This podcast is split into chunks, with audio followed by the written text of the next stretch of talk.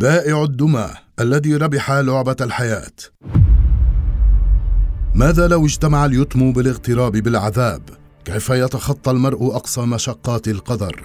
وكيف يقف على قدميه من حاولت الحياة بتر أحلامه مرارا وتكرارا؟ لن يستريح ولن تكون الحياة منصفة بحقه إذا ما السر الذي حول طفلا وحيدا إلى مالك تشيلسي؟ وكيف تمكن بائع الدمى المتجول من أن يخرق عالم صناعة الألعاب من بابه العريض؟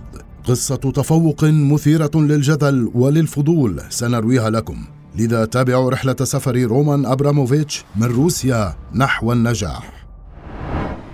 فقد والديه وهو لم يتجاوز العامين من عمره ووجد نفسه مع أولاد عمه ليكبر وينشأ بظروف غامضة ومعقدة. هكذا كانت أولى سنين رومان ابن جنوبي روسيا الذي لم يتمكن من معرفة والديه عن قرب. عائلة لم يكتمل لم شملها. أنجبت صبيا صغيرا سيخوض جولات قاسية في فترة مراهقته. فكيف تمكن رومان من تخطي الطفولة الصعبة والمضي قدما في حياته؟ الطفل الذي كان يتجول ويبيع الدمى أدرك قيمة المال والعمل منذ الصغر. فأسس لنفسه من شقته الضيقة والأقل من متواضعة في موسكو شركة لتصنيع الدمى البلاستيكية. كانت روسيا حينها تقوم بالإصلاحات التجارية والضريبية وتسهيلات لرجال الأعمال وأصحاب الاستثمارات الصغيرة في أواخر عام 1980 واستفاد رومان من هذه السهولة في الاستثمار ليكون من أكثر الأشخاص حظا وذكاء. لم يكن صاحب خبرة من التجربة الأولى، لكنه عرف كيف يغتنم الفرص ويجني الخبرات من خلال المحاولات المتتالية في توجيه استثماره في القطاع الصحيح.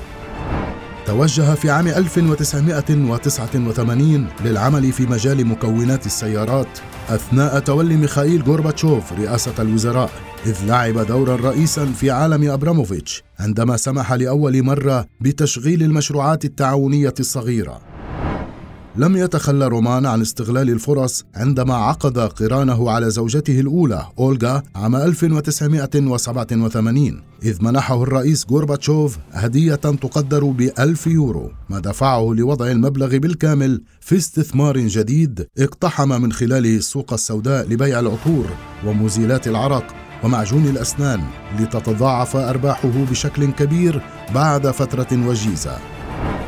كان طموح رومان يزداد وكذلك رغبته في جني الأرباح وفي التوسع في المشاريع الاستثمارية. فنجاح كل مشروع كان يعزز العزيمة في نفسه ويدفعه لعدم التوقف. لذا أسس خمس شركات أجرت عمليات إعادة بيع وأنتجت سلعا استهلاكية حتى في نهاية المطاف. وجه رومان تخصص هذه الشركات في تجارة النفط ومنتجاته. طفولة أبراموفيتش أنمت في فكر هذا الأخير روحا تجارية ونمطا تنافسيا ساهم في إنجاح مشاريعه. كل نجاح يبدأ في طريقة تفكير المرء. وهكذا كان وعي رومان وتقديره للجهد في العمل السلاح الأساسي الذي رفعه في وجه الفقر. تمكن في أوائل التسعينيات من القرن الماضي من تأسيس نحو عشرين شركة في قطاعات مختلفة كتجديد الإطارات وتوظيف الحراس الشخصيين. وفي عام 1995 استحوذ أبراموفيتش وبوريس بيريزوفسكي شريك الرئيس بوريس يلتسن على حصة مسيطرة في شركة النفط الكبيرة سيبنفت.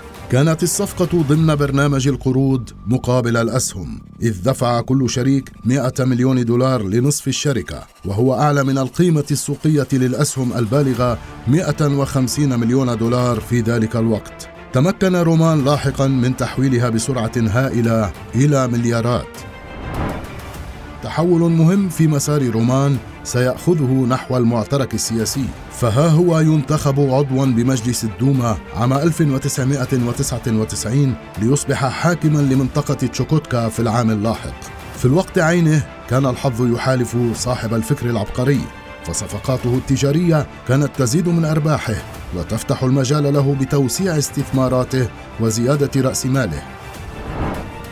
ما لا تعرفونه عن رومان هو أنه كان محبا للرياضة بشكل كبير لذا قرر في عام 2003 شراء نادي تشيلسي الإنجليزي وهذه الخطوة صنعت المجد الكبير لأبراموفيتش فأحدث ثورة عارمة بعد شرائه النادي بالموسم الثاني له حينما تعاقد مع صناع اللعبة كجوزيه مورينيو ومايكل بالاك وغيرهما توج تشيلسي بألقاب بلغت 17 لقبا في عهد أبراموفيتش ليكون أكثر الأندية الإنجليزية حصدا للألقاب منذ عام 2003 بعد مانشستر يونايتد بل أصبح علامة تجارية كبيرة وأحد أكبر أندية أوروبا.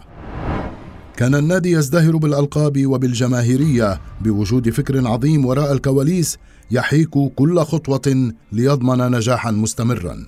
فصحيح أنه يبدو لكم وكأن الصعوبات لم تكن كثيرة في مسيرة رومان بحيث كانت معظم خططه الاستثمارية تتكلل بالنجاح. إلا أن الطموح والجهود للوصول والاستمرار وذكاءه الفريد في اغتنام الفرص وإدارة المشاريع مميزات تمتع بها رومان باتت تشكل مصدر إلهام للكثيرين اليوم.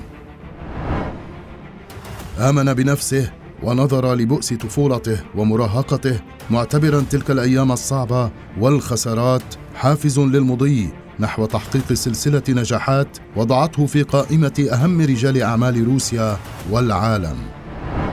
كلل انتصاراته التجارية بأعمال خيرية وبناء المدارس والجامعات بمنطقة سيبيريا الباردة مسخرا مبالغ هائلة لمساعدة تطوير محيطه.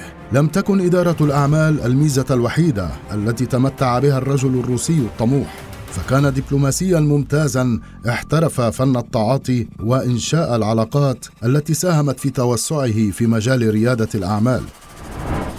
فرومان صديق مقرب من الرئيس الحالي فلاديمير بوتين ولقربه السياسي منه اثر كبير في أن يصبح رمزا لرجال الأعمال في روسيا. تجنيده في الجيش الروسي في فترة شبابه لقنه التكيف مع الظروف والعمل. هو رجل عصامي بامتياز تمكن من خلق إمبراطورية لنفسه من خلال ثقته بنفسه وعناده لوصوله للقمة وصنف من أغنى رجال العالم وأكثرهم تأثيرا. صاحب الثروة العجيبة المقدرة بنحو 13.6 مليارات دولار أمريكي لا زالت ترسم حول العديد من استثماراته علامات استفهام فتوجه نحوه اتهامات فساد بين الحين والآخر. واليوم بينما يترقب العالم الحرب الدائرة بين روسيا وأوكرانيا لم يغب اسم رومان عن الصحف الذي تعرض لعقوبات نسبة لعلاقته ببوتين وجمدت أصول أبراموفيتش وأزيح من منصبه كمدير لنادي تشيلسي لكرة القدم. تطورات جعلت واحدا من أشهر الأوليغارشي المقربين من الكرملين حديث الإعلام خلال الفترة الماضية ووضعته أمام حكم الرأي العام. لكن وبالرغم من الضبابية التي تحوم حول قضايا ارتبط اسم رومان بها اعتبرته صحف عالمية كأسطورة نجاح لما حققه في حياته من استغلال فرص بدهاء وإدارة أفكاره بعبقرية. فهل تظنون أن المرحلة القادمة ستنصف أبراموفيتش أم ستضعه أمام اختبار جديد ليكتب في مسيرته انتصار جديد؟